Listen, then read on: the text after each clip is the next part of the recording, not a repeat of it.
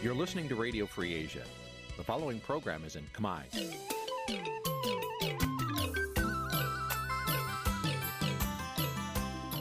នេះជាកម្មវិធីផ្សាយ Vuthu Azizi Serai នេះជាកម្មវិធីផ្សាយរបស់ Vuthu Azizi Serai ជាភាសាខ្មែរ Vuthu Azizi Serai សូមស្វាគមន៍លោកអ្នកនាងទាំងអស់ពីរដ្ឋធានី Washington នៃសហរដ្ឋអាមេរិក បាទប្រធានាធិបតីវ៉ាស៊ីនតោនខ្ញុំបាទទីនសាការីយ៉ាសូមជម្រាបសួរលោកនាងកញ្ញាទាំងអស់ជាទីមេត្រីយើខ្ញុំសូមជូនកម្មវិធីផ្សាយសម្រាប់ព្រឹកថ្ងៃអង្គារ7កើតខែផលគុណឆ្នាំខាលចត្វាស័កពុទ្ធសករាជ2566ត្រូវនៅថ្ងៃទី28ខែកុម្ភៈគ្រិស្តសករាជ2022បាទជាដំបូងនេះសូមអញ្ជើញលោកនាងកញ្ញាស្ដាប់ព័ត៌មានប្រចាំថ្ងៃដែលមានមេត្តាដូចតទៅ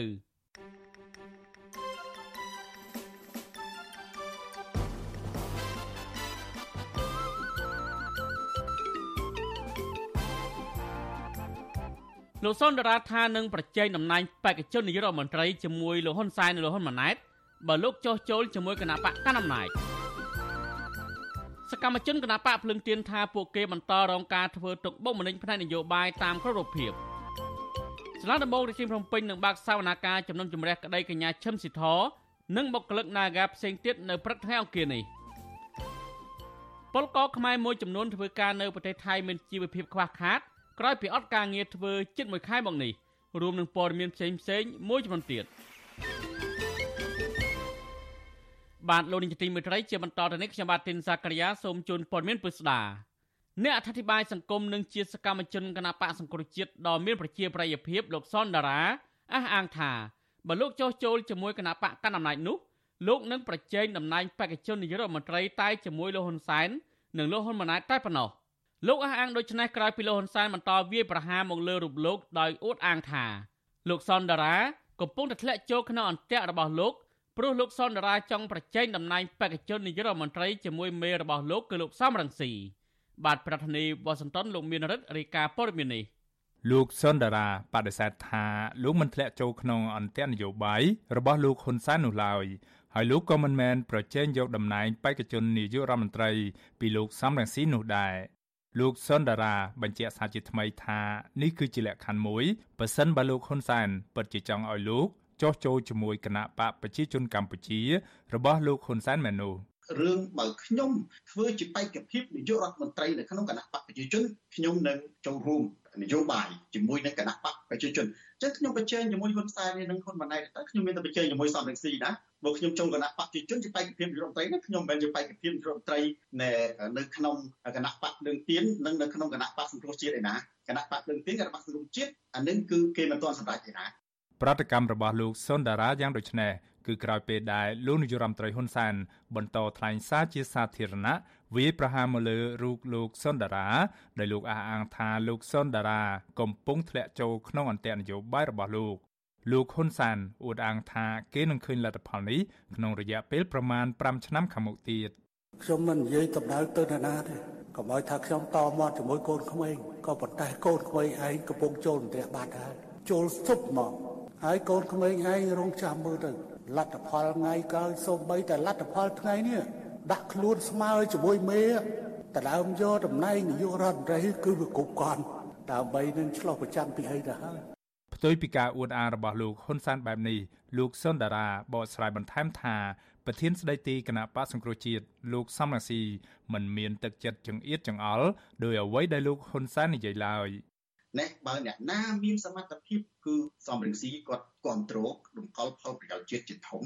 ហើយបើសិនជាសំរងស៊ីអាត្មានិយមស្រឡាញ់តំណែងគាត់មិនមែនលៀនលែងតែក្នុងមួយព្រឹកភ្នែកគណៈប្រធានគណៈបកសង្គ្រោះជាតិហើយក៏សុខចិត្តលះបង់អ្វីៗគ្រប់យ៉ាងមានទ្រព្យសម្បត្តិអ្នករបស់គាត់លុកផ្ទះលុកសំបែងដើម្បីសង្គ្រោះប្រទេសជាតិធ្វើនយោបាយប្រឆាំងរបបផ្ដាច់ការរហូតមកដំណាក់កាលចុងក្រោយនេះហ៊ុនសែនរឹបអូសយកទ្រព្យសម្បត្តិរបស់គាត់ បណ្ដឹងជាប់គុកដូចជាពីរជីវិតសំរងស៊ីគាត់មិនដែលទៅខ្វល់ផង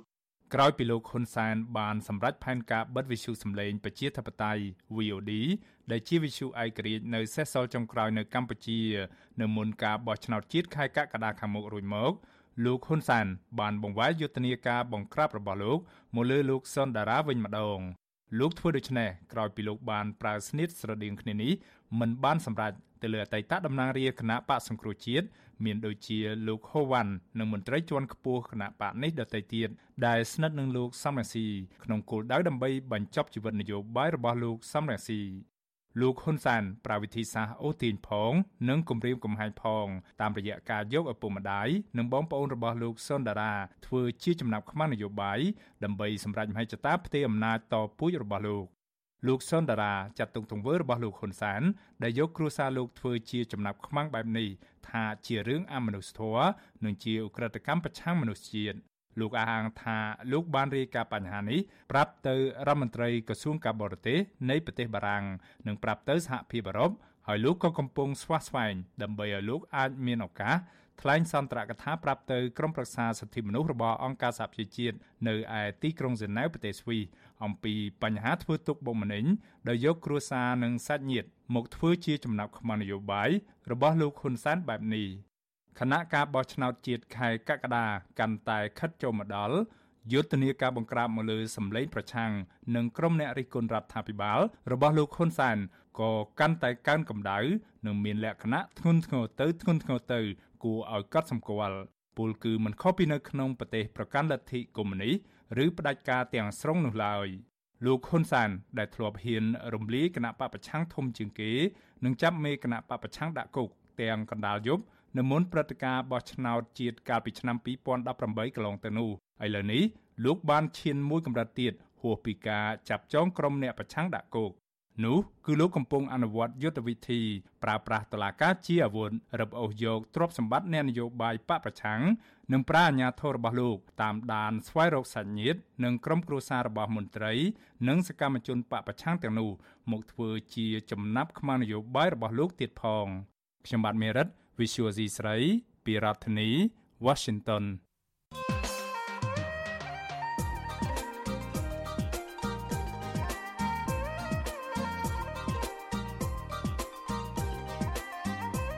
បានលោកនាយកទីមេត្រីលោកហ៊ុនសែនលើកហេតុផលពីការដែលលោកបិទវិទ្យុ VOD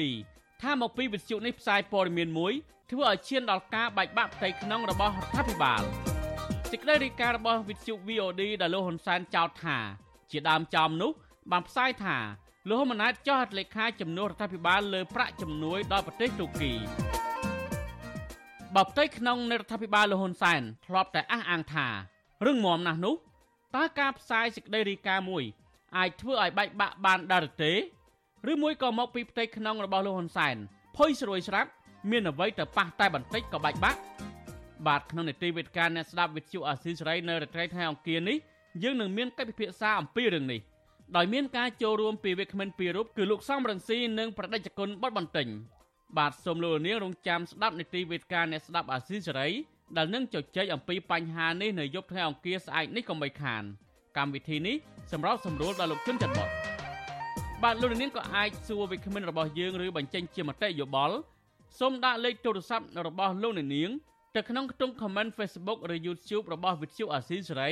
ក្រុមការងាររបស់យើងនឹងហៅទៅលោកនាងវិញ បាទសូមអរគុណ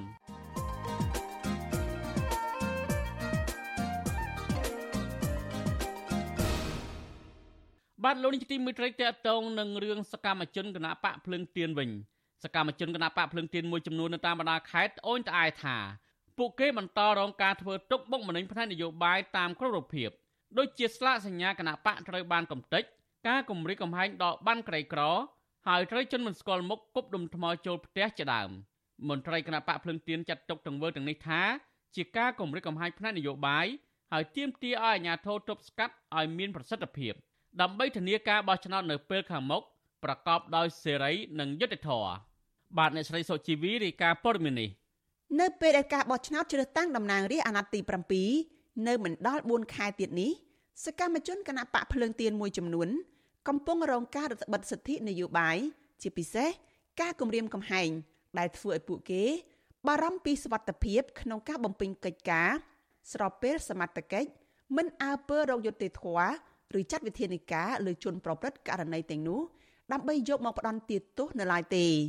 ប្រធានគណៈបកភ្លើងទៀននៅខេត្តបៃលិនលោកខឹមមនីកុសលប្រាប់វិទ្យុអាស៊ីសេរីនៅថ្ងៃទី27ខែកុម្ភៈថាអញ្ញាធមូលដ្ឋាន បានគៀបសង្កត់សិទ្ធិសេរីភាពនៃការជួបប្រជុំ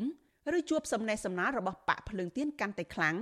ដែលធ្វើឲ្យពួកលោកពិបាកបំពេញការងារជូនគណៈបកសម្រាប់ការបោះឆ្នោតនៅថ្ងៃខាងមុខនេះលោកឲ្យដឹងទៀតថាបច្ចុប្បន្នថ្នាក់ដឹកនាំបកចុះទៅមូលដ្ឋានជួបអ្នកគាំទ្រនិងប្រជាពលរដ្ឋម្ដងម្ដង អាជ្ញាធរតែងតែដាក់កម្លាំងតាមដាន ហើយនៅកន្លែងខ្លះកម្លាំងប៉ូលីសស្លៀកពាក់ឯកសណ្ឋាននិងស្លៀកពាក់ស៊ីវិលមិនបានចូលរួមនៅក្នុងគោលបំណងរក្សាសវត្ថិភាពសន្តិសុខតាមច្បាប់នោះទេ តែបែរជាចូលទៅថតរូបនៅក្នុងអង្គប្រជុំដោយគ្មានការអនុញ្ញាត ដែលធ្វើឲ្យអ្នកចូលរួមមានការភ័យខ្លាចលោកបន្ថែមថាក្រោយពីកម្មវិធីបញ្ចប់ហើយអាជ្ញាធរក៏ដើរព្រមានដកបានក្រីក្រ ឬគម្រាមដាក់សម្ពាធចំពោះម្ចាស់ផ្ទះឬពលរដ្ឋណា ដែលចូលរួមជាមួយគណៈបកភ្លើងទៀននោះទៀតផងប៉ុន្តែលោកខមនីកុសលឲ្យដឹងទៀតថាករណីស្លាកគណៈបកនេះត្រូវបានអាជ្ញាធរឃុំនិងជន់មិនស្គាល់មុខលួចកាត់បំផ្លាញវិញប៉ូលីសមិនហ៊ានទទួលពាក្យបណ្ដឹងដើម្បីយកទៅដោះស្រាយឡើយរហូតមកដល់ពេលនេះលោកថាលោកបានរាយការណ៍ករណីទាំងនេះទៅថ្នាក់លើរួចហើយដើម្បីសុំអន្តរាគមន៍ទៅក្រសួងមហាផ្ទៃឲ្យដោះស្រាយឬទប់ស្កាត់រឿងនេះឲ្យមានប្រសិទ្ធភាពកុំឲ្យកើតមានឡើងតទៅទៀត។ ខ្ញុំគិតថាវាជាការគម្រាមកំហែងមួយចូលដល់កម្រិតមួយខ្ពស់ហើយហើយជាការព្រួយបារម្ភរបស់ខ្ញុំដែរហើយនឹងក៏ដូចជាសហការីរបស់ខ្ញុំទាំងអស់នៅក្នុងគណៈបកភ្លើងទៀននេះជាពិសេសគឺសកម្មជននៅថ្នាក់មូលដ្ឋានហ្នឹងក៏មានការព្រួយបារម្ភពីសុវត្ថិភាពស្រដៀងគ្នានេះដែរអនុប្រធានគណៈកម្មាធិការប្រតិបត្តិគណៈបកភ្លើងទៀននៅខេត្តត្បូងឃ្មុំលោកស៊ូយៀនប្រាប់ថាលោកនិងសកម្មជនមួយចំនួនទៀត រងការគំរាមកំហែងបំបាក់ស្មារតីផ្នែកនយោបាយដោយប្រយោលនិងដោយផ្ទាល់លោកស៊ូយៀនឲ្យដឹងថាខែកុម្ភៈនេះគឺជាខែដែលមានកើតករណីគំរាមកំហែងទៅលើថ្នាក់ដឹកនាំសកម្មជនគណៈបកភ្លើងទៀននៅខេត្តនេះជាច្រើនគួរឲ្យព្រួយបារម្ភដូចជាករណីអូសទាញទឹកចិត្តករណីដកបានក្រីក្រពីសកម្មជនមូលដ្ឋានករណីលួចកាប់បំផ្លាញស្លាកគណៈបកករណីជនមិនស្គាល់មុខគោះទ្វារនិងគប់ដុំថ្មចូលក្នុងផ្ទះព្រមទាំងករណីចុងក្រោយ ប៉ូលីសនៅក្នុងស្រុកមេមត់បានដេញចាប់លោកទាំងកណ្ដាលថ្ងៃត្រង់កាលពីថ្ងៃទី20ខែកុម្ភៈក្រោមហេតុផលច្រឡំជាដើមលោកបញ្ជាក់ថាលោកបានប្តឹងរឿងទាំងអស់នេះទៅសមត្ថកិច្ចដែរប៉ុន្តែមកដល់ពេលនេះសមត្ថកិច្ចមិនទាន់ចាត់វិធានការផ្លូវច្បាប់ឲ្យមានប្រសិទ្ធភាពនៅឡើយទេខ្ញុំ ចាត់ទុកវាជារឿងបំផិតបំភ័យគម្រាមកំហែងផ្នែកនយោបាយព្រោះអីការបោះឆ្នោតគឺវាកាន់តែខិតជិតមកដល់អានឹងវាសុទ្ធតែជាការមួយបំបាក់ស្មារតីទៅមហាជនក៏ដូចជាការគម្រាមទៅលើថ្នាក់ដឹកនាំនៅមូលដ្ឋានកុំឲ្យចេញសកម្មភាពអ្នកនាំពាក្យគណៈបកភ្លើងទៀនលោកកឹមសុភិរិទ្ធឲ្យដឹងថាក្រៅពីខេត្តបៃលិននិងខេត្តត្បូងឃ្មុំនេះគណៈបកថ្នាក់ជាតិបានទទួលរបាយការណ៍ពីសកម្មភាពពីមូលដ្ឋានស្ទើរគ្រប់ខេត្តជុំវិញករណីគម្រាមកំហែងការធ្វើទុកបុកម្នេញជាហោហែ លោកបញ្ជាក់ថាគណៈបកនឹងប្រមូលបញ្ហាទាំងនេះរួមទាំងសេរីភាពបញ្ចេញមតិដើម្បីវាយតម្លៃពីស្ថានភាពនយោបាយចុងក្រោយនៅមុនដំណើរការដាក់បញ្ជីបេក្ខជនជ្រើសតាំងតំណាងរាស្ត្រនៅពេលខាងមុខទោះយ៉ាងណាលោកអំពីវនេះដល់គណៈបកកណ្ដាលអំណាចនិងអាជ្ញាធរពាក់ព័ន្ធគួរជជែកដោយការយោគយល់ដើម្បីធានាឲ្យដំណើរការបោះឆ្នោតប្រព្រឹត្តទៅដោយសេរីនិងយុត្តិធម៌ ពិបាកក្នុងស្ថានភាពសង្គមមួយដែលមានការបិទបាំង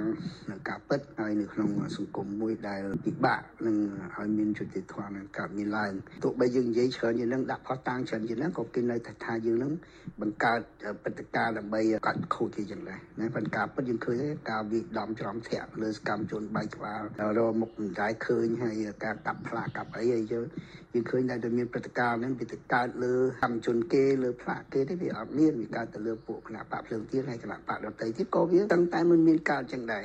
វិទ្យុអាស៊ីសេរីមិនអាចតាក់ទងแนะនាំពាក្យក្រសួងមហាផ្ទៃលោកខៀវសុភ័ក្រដើម្បីបកស្រាយជុំវិញបញ្ហានេះបានទេនៅថ្ងៃទី27ខែកុម្ភៈជុំវិញរឿងនេះអ្នកសម្របសម្រួលផ្នែកអង្គការរបស់អង្គការឃ្លាំមើលការបោះឆ្នោត Confrel លោកកនសវាងមានប្រសាសន៍ថា សង្គមប្រជាធិបតេយ្យគឺពលរដ្ឋមានសិទ្ធិចូលរួមផ្នែកនយោបាយដោយសេរីនិងគ្មានការរើសអើងហើយសំណើឬបណ្ដឹងរបស់ប្រជាពលរដ្ឋត្រូវពិនិត្យនិងយកទៅដោះស្រាយដោយផ្អែកតាមច្បាប់លោកកនសវាងលើកទឹកចិត្តដល់សកម្មជននយោបាយដែលរងការគំរាមកំហែងគួររៀបចំឯកសារឬប្រមូលភស្តុតាងប្តឹងទៅស្ថាប័នមានសមត្ថកិច្ចជាពិសេសក្រសួងមហាផ្ទៃដើម្បីឆ្លើយតបនិងដោះស្រាយជាជាងរក្សាភាពស្ងៀមស្ងាត់ มันអាចត្រូវបានការបដិសេធណាមួយដោយអង្គការរដ្ឋឬក៏ការរឹតបន្តឹងដោយអង្គការរដ្ឋទេព្រោះអង្គការរដ្ឋគឺជាស្ថាប័នមួយណារបស់រដ្ឋដែលត្រូវបានធានាទៅដល់ប្រជាពលរដ្ឋគ្រប់រូបណាមិនថានិន្នាការនយោបាយណាទេគឺថាត្រូវធានាដល់គ្រប់រូបឲ្យបើកឲ្យមានគោលការណ៍ឲ្យមានសេរីភាពណានៅក្នុងការអនុវត្តសកម្មភាពរបស់ខ្លួន គណៈកម្មាធិការជាតិរៀបចំការបោះឆ្នោតហៅកាត់ថាកោជបបានប្រកាសថាអ្នកមានឈ្មោះនៅក្នុងបញ្ជីបោះឆ្នោតផ្លូវការនៅក្នុងឆ្នាំ2022នេះមានជាង9លាន7សែននាក់និងមានការិយាល័យបោះឆ្នោតជាង23000ការិយាល័យកោជបបានបញ្ជាក់ថា បញ្ជីបោះឆ្នោតផ្លូវការឆ្នាំ2022គឺជាបញ្ជីផ្លូវការសម្រាប់ការបោះឆ្នោតជ្រើសតាំងតំណាងរាស្ត្រនីតិកាលទី7ដែលនឹងធ្វើឡើងនៅថ្ងៃអាទិត្យទី23ខែកក្កដាខាងមុខនេះ។ ទោះជាយ៉ាងណាក្តីស្របពេលដែលការបោះឆ្នោតកាន់តែខិតជិតចូលមកដល់មេដឹកនាំសកម្មជនគណៈបកភ្លើងទៀននៅតាមបណ្ដាខេត្តមួយចំនួនត្រូវបានអាជ្ញាធរគណៈបកកាន់អំណាចរារាំងនិងគំរាមកំហែងជាបន្តបន្ទាប់គណៈបកប្រឆាំងនិងអង្គការសង្គមស៊ីវិលនៅមិនទាន់ឃើញរដ្ឋាភិបាលលោកហ៊ុនសែនបង្កភាពងាយស្រួលដល់គណៈបកនយោបាយឬពលរដ្ឋដើម្បីចូលរួមការបោះឆ្នោតនេះដោយសេរីត្រឹមត្រូវនិងយុត្តិធម៌ គណៈបកភ្លើងទៀនកាលពីចុងខែមករាធ្លាប់បញ្ជាក់ថាគណៈបកនេះប្រឆាំងដាច់ខាត ចំពោះការគៀបសង្កត់ការគម្រាមកំហែងនិងការធ្វើទុកបុកម្នេញផ្នែកនយោបាយគ្រប់រូបភាពរបស់គណៈបកកាន់អំណាចគណៈបកភ្លើងទៀនអំពាវនាវឲ្យប្រទេសហត្ថលេខីនៃកិច្ចព្រមព្រៀងសន្តិភាពទីក្រុងប៉ារីសទាំងអស់ឲ្យបំពេញកាតព្វកិច្ចរបស់ខ្លួនដើម្បីជំរុញឲ្យមានការគោរពសិទ្ធិមនុស្សនិងការអនុវត្តលទ្ធិប្រជាធិបតេយ្យសេរីពហុបកឲ្យបានត្រឹមត្រូវនាងខ្ញុំសុជីវីវិទ្យុអាស៊ីសេរី ពីរដ្ឋធានី Washington បានលោកនាងជាទីមេត្រីតកតងនឹងសំណុំរឿងកញ្ញាឈឹមស៊ីធនិងបុគ្គលិក Nagavel ដែលកំពុងតែជាប់បណ្ដឹងនៅតុលាការវិញសាលាដំបងរាជធានីភ្នំពេញនឹងបើកសវនាការជំនុំជម្រះក្តីជាទ្រង់ទ្រាយធំលើសំណុំរឿងសហជីពនិងបុគ្គលិកក្រុមហ៊ុន Nagavel ចំនួន7នាក់ក្នុងនោះក៏មានកញ្ញាឈឹមស៊ីធដែរនៅព្រឹកថ្ងៃទី28កុម្ភៈនេះ។ តុលាការបានចោទប្រកាន់សហជីពនិងបុគ្គលិកក្រុមហ៊ុន Nagavel នេះពីបទញុះញង់បង្កឲ្យមានភាពវឹកវរធ្ងន់ធ្ងរប៉ះពាល់ដល់សន្តិសុខសង្គមប្រព្រឹត្តនៅប្រទេសកម្ពុជា កាលពីអំឡុងឆ្នាំ2022និងបន្តបន្ទាប់តាមបញ្ញត្តិមាត្រា494និងមាត្រា495នៃក្រមព្រហ្មទណ្ឌអញ្ញាធិកម្ពុជាបានចាប់ខ្លួនកញ្ញាឈឹមស៊ីធប្រធានសហជីពសិទ្ធិការងារបុគ្គលិកកម្មករខ្មែរនៃក្រុមហ៊ុន Nagavel កាលពីថ្ងៃទី26វិច្ឆិកា ភ្លាមភ្លាមក្រោយពីនាងបានវិលត្រឡប់មកពីចូលរួមសមាជរបស់សហភាពសហជីពអន្តរជាតិនៅប្រទេសអូស្ត្រាលីអញ្ញាធិបបកស្រាយថាការចាប់ខ្លួននេះគឺដោយសារតែកញ្ញាបានចាក់ចេញពីកម្ពុជាដោយគ្មានការអនុញ្ញាតពីចៅក្រមស៊ើបសួរប៉ុន្តែឆ្លើយតបនឹងការចាប់ប្រកាន់នេះទាំងមេធាវីនិងកញ្ញាឈឹមស៊ីធបានអះអាងថាពួកគេមិនដែលទទួលបានការជួយដំណឹងអំពីបំរាមលើការធ្វើដំណើរឬការរឹតបន្តឹងដទៃទៀត ដែលត្រូវបានដាក់ជាផ្នែកមួយនៃលក្ខខណ្ឌនៅក្រៅឃុំរបស់នាងនោះឡើយម្យ៉ាងវិញទៀតចាប់តាំងពីត្រូវបានដោះលែងឲ្យនៅក្រៅឃុំកាលពីខែមីនាឆ្នាំ2022មកកញ្ញាឈឹមស៊ីធធ្លាប់បានធ្វើដំណើរទៅក្រៅប្រទេសចំនួន2លើករួចមកហើយគឺទៅប្រទេសថៃកាលពីខែកញ្ញានិងខែតុលាហើយមិនបានជួបប្រទេសបំរាមណាមួយពីតុលាការឡើយទាក់ទងនឹងបញ្ហានេះអង្គការឃ្លាំមើលសិទ្ធិមនុស្សអន្តរជាតិ Human Rights Watch និងអង្គការលើកលែងទោសអន្តរជាតិបានចេញសេចក្តីថ្លែងការណ៍ថ្កោលទោស និងទាមទារឲ្យតុលាការដោះលែងកញ្ញាឈឹមស៊ីធវិញអង្គការទាំងពីរនេះបានកត់សម្គាល់ថាអាញាធរកម្ពុជាកំពុងតែប្រើប្រាស់ប្រព័ន្ធតុលាការដោយមិនត្រឹមត្រូវដើម្បីដាក់គោលដៅនិងយាយីកញ្ញាឈឹមស៊ីធដោយសារតែកញ្ញាការពារសិទ្ធិការងារក្នុងនាមជាមេដឹកនាំសហជីពស្របពេលដែលកម្មករ Naga បានធ្វើកោតកម្មជាង1ឆ្នាំមកនេះមិនទាន់មានដំណោះស្រាយនៅឡើយនោះតំណាងកម្មករនយោជិតនិងសហជីពអំពាវនាវឲ្យអង្គការសិទ្ធិមនុស្សជាតិអន្តរជាតិរួមទាំងអ្នកសារព័ត៌មានផង ចូលរួមស្ដាប់សវនាការជំនុំជម្រះកញ្ញាឈឹមស៊ីធនិងបុគ្គលិកកាស៊ីណូ Naga World ដទៃទៀតនៅព្រឹកថ្ងៃអង្គារនេះកុំបីខាន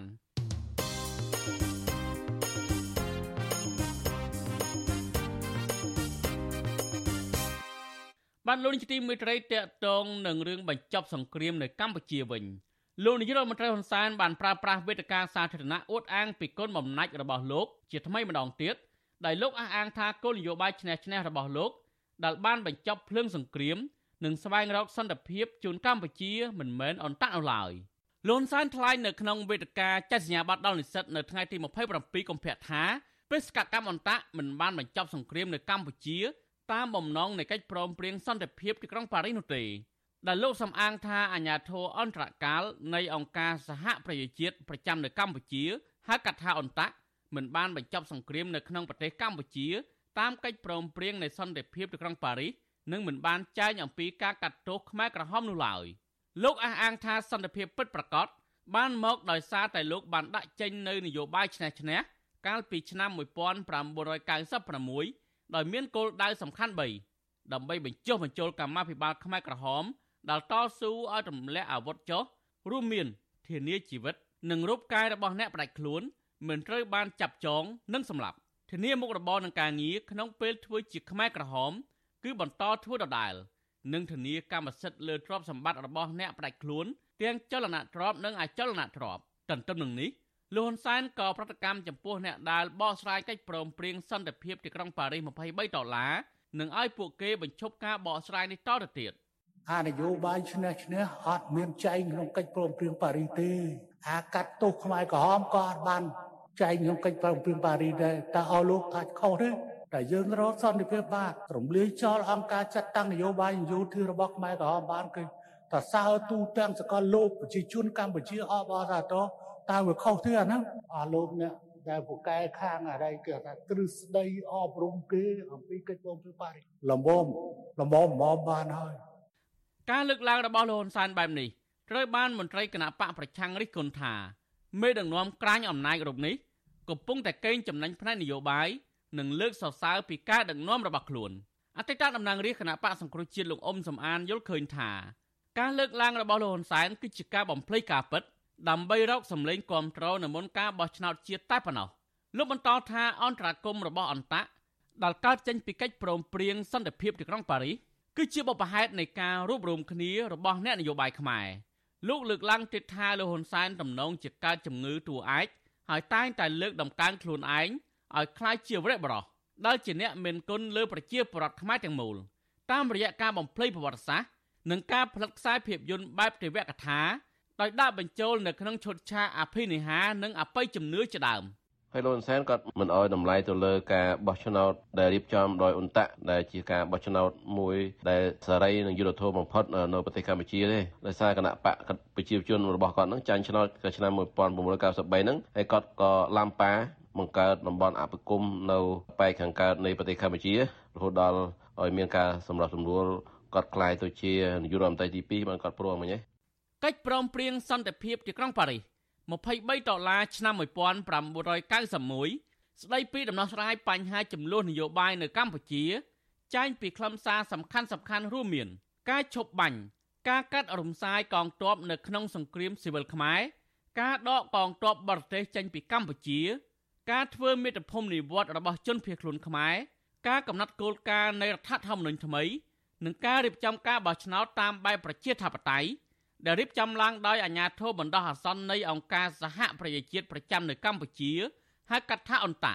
ត្រូវបានបង្កើតឡើងនៅក្នុងឆ្នាំ1992តាក់ទងនឹងរឿងនេះអ្នកជំនាញផ្នែកវិទ្យាសាស្ត្រនយោបាយលោកអែមសវណ្ណរា មានប្រសាសន៍ថាអ្វីត្បិតតែអន្តៈបានបញ្ចប់បេសកកម្មរបស់ខ្លួនក្នុងពេលកម្ពុជានៅតែបន្តមានសង្គ្រាមតែការឯកភាពគ្នារវាងភាគីទាំង3ជាកិច្ចការមួយសម្រេចបានជោគជ័យ តាមគោលការណ៍កិច្ចព្រមព្រៀងសន្តិភាពទីក្រុងប៉ារីសលោកបន្តថាការសម្រេចបាននៃការរួបរวมគ្នារវាងភាគីរដ្ឋកម្ពុជាហ្វុតសំពេចនិងរណសេរីជាតិរំដោះប្រជាពលរដ្ឋខ្មែរនៅពេលនោះហើយដែលជាមូលដ្ឋានគ្រឹះនាំឲ្យមានការបញ្ចប់ចំនួននិងសង្គ្រាមនៅកម្ពុជា។ ជាជាកិច្ចការចាំបាច់បើសិនជាអត់មានកិច្ចព្រមព្រៀងសន្តិភាពទីក្រុងប៉ារីសហ្នឹងក៏អត់មានសន្តិភាពដែរណាអត់មានសន្តិភាពទេព្រោះការបញ្ចប់សង្គ្រាមតាមគោលនយោបាយឈ្នះឈ្នះបនយុរដ្ឋមន្ត្រីគ្រាន់តែជាការបង្ហើយនៅវិរិយភាគីខ្មែរក្រហមមិនចូលរួមហើយគាត់ប្រើគោលនយោបាយដើម្បីទាញខ្មែរក្រហមបញ្ចប់អ្នកតាមដាននយោបាយសង្កេតឃើញថាលោកហ៊ុនសែនកំពុងតែអនុវត្តតាមទ្រឹស្ដីប្រវត្តិសាស្ត្រសម្រាប់អ្នកឈ្នះដោយដែលលោកធ្លាប់បាននិយាយកាលពីឆ្នាំ2017ថា មិនឲ្យអ្នកផ្សេងឈ្នះដើម្បីសរសេរប្រវត្តិសាស្ត្រនោះឡើយប៉ុន្តែប្រវត្តិសាស្ត្រដែលនិពន្ធនឹងតាក់តែងឡើងក្រោមស្នាដៃលោកហ៊ុនសែននោះគ្មានសច្ចភាពនឹងការពិតនោះឡើយដោយបានសរសេររំលងឈ្មោះបុគ្គលសំខាន់សំខាន់ផ្សេងទៀតដែលបានស្វែងរកសន្តិភាពជូនប្រជាពលរដ្ឋកម្ពុជា មានដូចជាសម្ដេចនរោត្តមសីហនុលោកប៉ាន់សវណ្ណនិងលោកសឿនសានជាដើមពួកគេលើកឡើងថានិយមន័យនៅក្នុងតម្រាប្រវត្តិសាស្ត្រដែលលម្អដោយក្របសន្តិភាពនោះ ផ្ដោតលើតែលោកហ៊ុនសែនតែម្នាក់ជាតួអង្គសំខាន់ដែលមានគុណបំណាច់រំដោះប្រទេសជាតិពីរបបខ្មែរក្រហមប៉ុន្តែមិនបាននិយាយពីឥទ្ធិពលបរទេសមកនៅកម្ពុជា ការកំទេចគណៈបកហ្វុនស៊ិនពេជ្រនិងអំណាចផ្ដាច់ការក្រោមការដឹកនាំរបស់លោកហ៊ុនសែននោះឡើយ។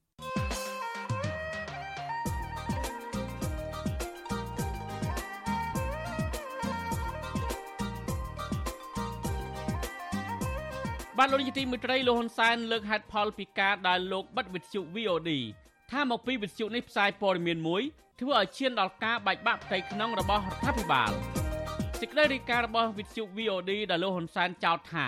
ជាដើមចំនោះបានផ្សាយថាលោកហ៊ុនម៉ាណែតចោទហត្ថលេខាជំនួសរដ្ឋាភិបាលលើប្រាក់ជំនួយដល់ប្រទេសទូគីបើផ្ទៃក្នុងនៃរដ្ឋាភិបាលលោកហ៊ុនសែនធ្លាប់តែអះអាងថារឹងមាំណាស់នោះតើការផ្សាយសេចក្តីរាយការណ៍មួយ អាចធ្វើឲ្យបែកបាក់បានដែរទេឬមួយក៏មកពីផ្ទៃក្នុងរបស់លោកហ៊ុនសែនភុយស្រួយស្រាប់មានអ្វីទៅប៉ះតែបន្តិចក៏បែកបាក់បាទក្នុងនីតិវិទ្យាអ្នកស្ដាប់វិទ្យុអាស៊ីសេរីនៅរាត្រីថ្ងៃអង្គារនេះយើងនឹងមានកិច្ចពិភាក្សាអំពីរឿងនេះដោយមានការចូលរួមពីវិក្កាមិនពីររូបគឺលោកសំរងស៊ីនិងប្រដេជគុណបុតបន្ទិញបាទសូមលោកនាងរងចាំស្ដាប់នីតិវិទ្យាអ្នកស្ដាប់អាស៊ីសេរីដែលនឹងជជែកអំពីបញ្ហានេះនៅយប់ថ្ងៃអង្គារស្អែកនេះកុំបីខាន។ កម្មវិធីនេះសម្រាប់សម្រួលដល់លោកជនច័ន្ទបតបាទលោកនាងក៏អាចសួរវិក្កាមិនរបស់យើងឬបញ្ចេញជាមតិយោបល់សូមដាក់លេខទូរស័ព្ទរបស់លោកនាងទៅក្នុងខ្ទង់ comment Facebook ឬ YouTube របស់ Vuthu Asia សេរី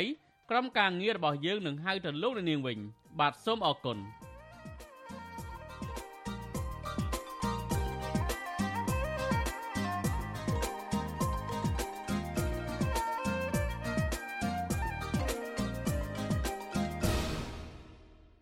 បាទលោកនាយកទីមេត្រីតកតងនឹងការអនុវត្តច្បាប់លើការចិញ្ចឹមសត្វកង្កោកវិញមន្ត្រីសង្គមស៊ីវិលនិងបរដ្ឋមិនពេញចិត្តនឹងទង្វើរបស់មន្ត្រីរដ្ឋបាលប្រៃឈើនៃក្រសួងកសិកម្មក្នុងករណីចោះចាប់រំអស់យកសត្វកង្កោក20ក្បាល ពីប្រជាកសិករនៅខេត្តកំពង់ឆ្នាំងហើយព្រមានប្តឹងទៅតុលាការបើមិនសមទោសជាសាធារណៈពួកគាត់ចាត់ទុកទង្វើរបស់មន្ត្រីរដ្ឋបាលប្រៃឈើថា ជាការអនុវត្តច្បាប់ស្តង់ដារ2 ខណៈដែលលោកនាយករដ្ឋមន្ត្រីហ៊ុនសែនក៏ចិញ្ចឹមសត្វក្ងោកដែរនោះបាទលោកនៅវណ្ណរិនរាយការណ៍ព័ត៌មាននេះមន្ត្រីសង្គមស៊ីវិលនិងពលរដ្ឋបានហៅវិធានការច្បាប់របស់មន្ត្រីរដ្ឋបាលប្រៃឈើនៃក្រសួងកសិកម្មថាបង្កប់ភាពមិនប្រក្រតីច្រើនធ្វើបាបប្រជាពលរដ្ឋនិងមិនលើកទឹកចិត្តដល់កសិករចិញ្ចឹមសត្វក្ងោកជាលក្ខណៈគ្រួសារ ប្រតិកម្មនេះធ្វើឡើងក្រោយពីមន្ត្រីរដ្ឋបាលប្រៃឈើចល័តនៃក្រសួងកសិកម្មបានឃាត់សត្វក្ងោកជាច្រើនក្បាលពីពលរដ្ឋមួយគ្រួសាររស់នៅក្នុងភូមិសន្លង់ឃុំត្រពាំងច័ន្ទស្រុកបរិបូរខេត្តកំពង់ឆ្នាំងហើយបង្គាប់ឲ្យម្ចាស់ក្ងោកសុំទោសជាសាធារណៈក្រោយពីមានការរិះគន់នឹងទង្វើនេះតាមបណ្ដាញសង្គម Facebook ម្ចាស់កងោកលោកយឹមសំអឿនប្រាប់វិទ្យុអាស៊ីសេរីនៅថ្ងៃទី27កុម្ភៈនេះថា មន្ត្រីជំនាញបានចាប់សត្វក្ងោករបស់លោកសរុប20ក្បាលក៏ប៉ុន្តែពេលដែលសរសេរនៅក្នុងរបាយការណ៍នោះគឺត្រឹមតែ6ក្បាលតែប៉ុណ្ណោះលោកថាមកទល់ពេលនេះមន្ត្រីរដ្ឋបាលព្រៃឈើទាំងនោះបានចោទប្រកាន់លោកជិត10បទល្មើសហើយបង្ខំឲ្យលោកសុំទោសជាសាធារណៈនិងបង់ប្រាក់ផាកពិន័យចំនួន9លានរៀលបើពុំដូច្នោះទេ ពួកគេនឹងបញ្ជូនសំណុំរឿងទៅតុលាការដើម្បីអនុវត្តច្បាប់ លោកអះអាងថាដោយសារបារម្ភពីសុវត្ថិភាព និងកុំឲ្យរឿងរ៉ាវវែងឆ្ងាយខាតពេលវេលា លោកកំពុងពិចារណាសុំទោសជាសាធារណៈនិងស្នើសុំអាជ្ញាធរមិនបង់ប្រាក់ គិតថាมันអាចតតាំងទៅមុខទៀតទេបើអីខ្ញុំមានអារម្មណ៍ថាខ្ញុំអត់អាចឈ្នះគេអញ្ចឹងឬក៏អត់អាចមានអីដែលត្រូវឈ្នះបើអីគេទម្លាក់កំហុសលើយើងច្រើនទៅច្រើនទៅអញ្ចឹងបងចេះធ្ងន់ទឹកងោហ្នឹងខ្ញុំគិតថាវាមិនអាចមកវិញបានទេបងប៉ុន្តែឲ្យយើងបានរួចខ្លួនអញ្ចឹងខ្ញុំចង់បានតែប៉ុណ្្នឹងទេវិទ្យុអាស៊ីសេរីមិនអាចតាក់ទងសុំការបំភ្លឺពីប្រតិភូរដ្ឋាភិបាលទទួលបន្ទុករដ្ឋបាលប្រៃឈើលោកកៅអូម៉ាលីសបាននៅឡើយនោះទេ កាលពីថ្ងៃទី25ខែកុម្ភៈលោកកៅអូម៉ាលីសបានសរសេរលិខិតអញ្ជើញម្ចាស់កងោក6ក្បាលឲ្យចូលខ្លួនមកបន្តនីតិវិធីបញ្ចប់សំណុំរឿងបាត់ល្មើសសត្វព្រៃចិញ្ចឹមនិងបង្កាត់ពូជសត្វព្រៃដោយគ្មានការអនុញ្ញាតលោកយឹមសំអឿនបន្ថែមថាគ្រួសាររបស់លោកបានចិញ្ចឹមសត្វកងោកនេះ9ឆ្នាំមកហើយហើយម្ដាយរបស់លោកស្រឡាញ់វាស្មើនឹងជីវិត មកទល់ពេលនេះសត្វទាំងនោះត្រូវមន្ត្រីរដ្ឋបាលព្រៃឈើឃាត់ចាប់អស់នៅសល់តែមួយក្បាលរួចពីការចាប់កំពុងស្រែកឆ្លេឆ្លាព្រោះបាត់គ្នាគ្នាលោកបន្ថែមថាថ្មីថ្មីនេះមន្ត្រីរដ្ឋបាលប្រៃឈើបានទូរស័ព្ទមកគម្រាមលោកឲ្យសុំទោសជាសាធារណៈបើពុំដូច្នោះទេនឹងបញ្ជូនសំណុំរឿងនេះទៅតុលាការអាចជាប់ពន្ធនាគារនិងបង់លុយផាកពិន័យជាច្រើនលាន ទៅឲ្យទៅអង្គសុំទូសិនឲ្យចាំឲ្យមកហើយតែមានតែបញ្ចប់រឿងហ្នឹងទៅចប់ហើយហើយអត់មានឲ្យកងោឲ្យអីខ្ញុំវិញហ្នឹងបើយើងសំណើសុំគាត់ទៅហើយធ្វើសំណើសុំទៅដើម្បីយកមកថែសារឲ្យរត់បើយកមានសិទ្ធិលោដូទេបើរឿងដាក់មើលទៅនេះគឺជាសារសម្លេងឆ្លើយឆ្លងរវាងមន្ត្រីរដ្ឋបាលព្រៃឈើនិងម្ចាស់សត្វកង្កោកដែលអាស៊ីសេរីទទួលបាន ថ្មីថ្មីនេះប្រតិភូរដ្ឋាភិបាលកម្ពុជាទទួលបន្ទុកប្រធានរដ្ឋបាលព្រៃឈើលោកកៅអូម៉ាលីសបានថ្លែងជាសាធារណៈសំណូមពរឲ្យពលរដ្ឋជួយទប់ស្កាត់និងបង្ការសត្វព្រៃកម្រផុតពូជនៅកម្ពុជាលោកថាចំណាត់ការរបស់សមត្ថកិច្ចគឺជាការអនុវត្តច្បាប់ព្រោះម្ចាស់កសិដ្ឋានចិញ្ចឹមសត្វកង្កោកទាំងនេះដោយគ្មានលិខិតអនុញ្ញាត។ ដោយសារប្រទេសកម្ពុជាយើងត្រូវការអនុវត្តច្បាប់ប្រឆាំងការជួញដូរការសម្អាតប្រាក់ក៏ដូចជាការអនុវត្តអនុសញ្ញាសាយតេស្តបើសិនជាមិនយើងមិនអនុវត្តទេគឺថាយើងប្រឈមនឹងការជួប្រទេសក្នុងការធ្វើពាណិជ្ជកម្មរុក្ខជាតិនិងសត្វព្រៃមួយទៀតក៏យើងប្រឈមនឹងការប្រទេសកម្ពុជាក្នុងបញ្ជីប្រភេទក្រោយពីបែកធ្លាយវីដេអូផ្សាយតាមបណ្ដាញសង្គម Facebook បង្ហាញពីសកម្មភាពរដ្ឋបាលព្រៃឈើឃាត់ចាប់សត្វកង្កោកពីប្រជាកសិករនៅក្នុងខេត្តកំពង់ឆ្នាំង អ្នកប្រើប្រាស់បណ្ដាញសង្គមខ្លះបានចែករំលែកបន្តប្រងព្រាតដោយចាត់ទុកថាការអនុវត្តស្តង់ដារ2ស្របពេលដែលលោកនាយករដ្ឋមន្ត្រីហ៊ុនសែនក៏ចិញ្ចឹមសត្វនេះនៅផ្ទះដែរពុំឃើញមានមន្ត្រីទាំងនោះចុះអនុវត្តច្បាប់នៅឡើយទេជាញឹកញាប់លោកនាយករដ្ឋមន្ត្រីហ៊ុនសែនតែងតែបង្ហោះសារតាមបណ្ដាញសង្គម Facebook ឲ្យចំណីសត្វកង្កោករាប់សិបក្បាលនៅផ្ទះរបស់លោកដ៏ធំស្កឹមស្កៃ ក្រៅពីលោកហ៊ុនសែនក៏មានលោកហ៊ុនតូនិងអង្គការមួយចំនួនរួមទាំងមន្ត្រីជាច្រើនអ្នកផ្សេងទៀតក៏ចិញ្ចឹមសត្វកង្កោកនៅផ្ទះរបស់ខ្លួនដែរ អ្នកប្រើប្រាស់បណ្ដាញសង្គម Facebook គឺលោកស៊ិនវុទ្ធាយល់ថាពលរដ្ឋមានចំណេះដឹងនិងជំនាញចិញ្ចឹមនិងបង្កាត់ពូជកង្កោកគួរតែលើកទឹកចិត្តនិងផ្ដល់បច្ចេកទេសបន្ថែមបែរជាមកគម្រាមកំហែងបំបាក់ទឹកចិត្តកសិករវិញលោកថាតើមន្ត្រីរដ្ឋបាលព្រៃឈើទាំងនោះបានបង្កាត់ពូជកង្កោកឬសត្វព្រៃកម្រកម្រប៉ុន្មានក្បាលទៅហើយខណៈពេលដែលព្រៃឈើដែលជាផ្ទះរបស់សត្វកង្កោកនិងសត្វព្រៃនានាបានបន្តបាត់បង់ស្ទើរគ្រប់កន្លែង ជួយជំរុញគាត់ឲ្យមានការរីកចម្រើនអាហ្នឹងបានប្រសើរពីរដ្ឋាភិបាលឬក៏អាជ្ញាធរមូលដ្ឋានដែលនៅក្បែរពួកគាត់អាហ្នឹងបាទពិសេសបាទអានេះមិនជួយគាត់ទេមកជឿនគាត់ទេអាហ្នឹងនឹងនិយាយថាមិនដែរជន់ខលខូចដែលរ៉ូស៊ីឆ្ងាយលក់ស្វាលក់អីពេលឆ្ងាយទៅដល់ស្រុកក្រៅបើជាអត់មានបញ្ហាទេ ប្រធានកម្មវិធីស្រាវជ្រាវនឹងតស៊ូមតិនៃសមាគមបណ្ដាញយុវជនកម្ពុជា លោកហេងកំហុងយល់ថាអាញាធរជំនាញគួរតែអប់រំណែនាំពលរដ្ឋពីបែបបទស្នើសុំការអនុញ្ញាតជាមុនសិនព្រោះពេលខ្លះពលរដ្ឋមិនសូវយល់ច្បាស់ពីនីតិវិធីផ្លូវច្បាប់លោកស្នើឲ្យអង្គភាពប្រឆាំងអំពើពុករលួយស៊ើបអង្កេតពីរបាយការណ៍របស់រដ្ឋបាលព្រៃឈើដែលថាចាប់សត្វកង្កោកបានតែ6ក្បាលខណៈកសិករអះអាងថាមាន20ក្បាលនោះ នីតិវិធីផ្លូវច្បាប់គ្មានអីទៅចាំបាច់សុំទោសមិនសុំទោសទេនីតិផ្លូវច្បាប់មានតែពីរទេមួយគឺត្រូវដកហូតយកឬក៏ជាប់ពន្ធនាគារឬក៏អនុវត្តទោសណាមួយបើសិនជាដកហូតហើយមិនចាំបាច់ផាកពិន័យឬក៏មិនចាំបាច់ដាក់ទោសគាត់អីផ្សេងទេគួរតែបង្កភាពងាយស្រួលដល់គាត់ពីជួយគាត់ចិញ្ចឹមកំសាន្តអញ្ចឹងណាបងបាទរដ្ឋបាលព្រៃឈើអះអាងថាវិធានការនេះផ្អែកតាមច្បាប់ស្តីពីព្រៃឈើចែងថាការធ្វើពាណិជ្ជកម្មសត្វព្រៃត្រូវជាប់ពន្ធនាគារពី1ឆ្នាំទៅ5ឆ្នាំ និងត្រូវពិន័យប្រាក់ពី1លានរៀលទៅ10លានរៀលហើយវត្ថុតាងទាំងអស់នឹងត្រូវរឹបអូសជាសម្បត្តិរដ្ឋទោះជាយ៉ាងនេះក៏ដោយលោកយឹមសំអឿនបន្ថែមថាពូជកងោកនេះលោកបានទិញពីប្រទេសថៃមកចិញ្ចឹម9ឆ្នាំមកហើយដោយសារតែគ្រួសាររបស់លោកស្រឡាញ់សត្វនេះលោកថាពងកងោកខ្លះលោកបានយកទៅភ្ញាស់នឹងមេមន់ដើម្បីលំអគេហដ្ឋានខ្ញុំបាទនៅវណ្ណរិន With Chu Azizi Saray ពីរដ្ឋធានី Washington បាទលោកជាទីមេត្រីតទៅនឹងការកំណត់តំបន់អភិរក្សសត្វផ្សោតនៅតាមដងទន្លេមេគង្គវិញចាប់ពីពេលនេះតទៅតំបន់មួយចំនួននៅលើដងទន្លេមេគង្គក្នុងខេត្តស្ទឹងត្រែងខេត្តក្រចេះនឹងក្លាយជាតំបន់គ្រប់គ្រងសត្វផ្សោតទន្លេមេគង្គទៅតាមការកំណត់របស់រដ្ឋាភិបាលអនុក្រឹត្យរបស់រដ្ឋាភិបាលចេញកាលពីថ្ងៃទី27កុម្ភៈម្សិលមិញឲ្យដឹងថាការកំណត់តំបន់គ្រប់គ្រងសត្វផ្សោតនេះមានគោលបំណងការពារនិងអភិរក្សសត្វផ្សោត ឲ្យមានប្រសិទ្ធភាពសម្ដៅចូលរួមអភិវឌ្ឍវិស័យអេកូទេសចរលើកកម្ពស់សេដ្ឋកិច្ចសង្គមនិងជីវភាពប្រជាពលរដ្ឋប្រភពដែលបញ្ជាក់ថាតំបន់គ្រប់គ្រងសត្វផ្សោតទន្លេមេគង្គនេះមានប្រវែង120គីឡូម៉ែត្រក្នុងនោះខេត្តស្ទឹងត្រែងមានប្រវែង35គីឡូម៉ែត្រនិងខេត្តក្រចេះមានប្រវែង85គីឡូម៉ែត្រតំបន់នេះលាតសន្ធឹងពីប៉ែកខាងក្រោមស្ពានមិត្តភាពកម្ពុជាចិនស្ទឹងត្រែងក្នុងខេត្តស្ទឹងត្រែងរហូតដល់កោះទ្រង់ ក្នុងខេត្តក្រចេះដែលមានទំហំសរុប621គីឡូម៉ែត្រក្រឡាជំរឿនសត្វផ្សោតឆ្នាំ2020បង្ហាញថា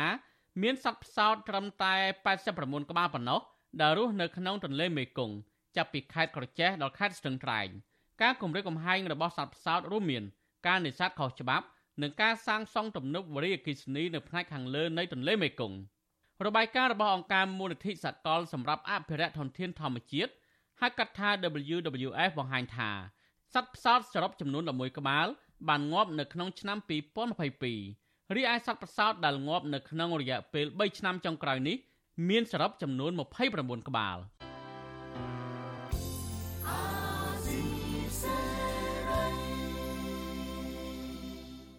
បានលោកនាយកទីមេត្រីតកតងនឹងពលកខ្មែរដែលកំពុងតែធ្វើការនៅឯប្រទេសថៃដែលប្រឈមនឹងការអត់ការងារធ្វើវិញ ពលករមួយចំនួនធ្វើការនៅទីក្រុងបាងកកប្រទេសថៃប្រឹងទៅដល់រស់ក្រោយពីអត់ការងារធ្វើអស់រយៈពេលជិត1ខែ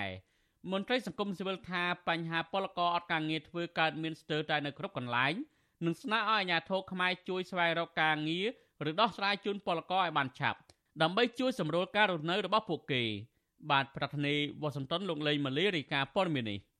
ពលករខ្មែរមួយក្រុមនេះមានគ្នា30នាក់សប្តាហ៍ថ្ងៃកំពុងស្នាក់នៅប្រទេសថៃដោយខុសច្បាប់ ពួកគាត់អះអាងថាថៅកែបានសន្យានឹងជួយធ្វើឯកសារឲ្យពួកគាត់ឲ្យបានឆាប់ឆាប់ដើម្បីបានធ្វើការឡើងវិញ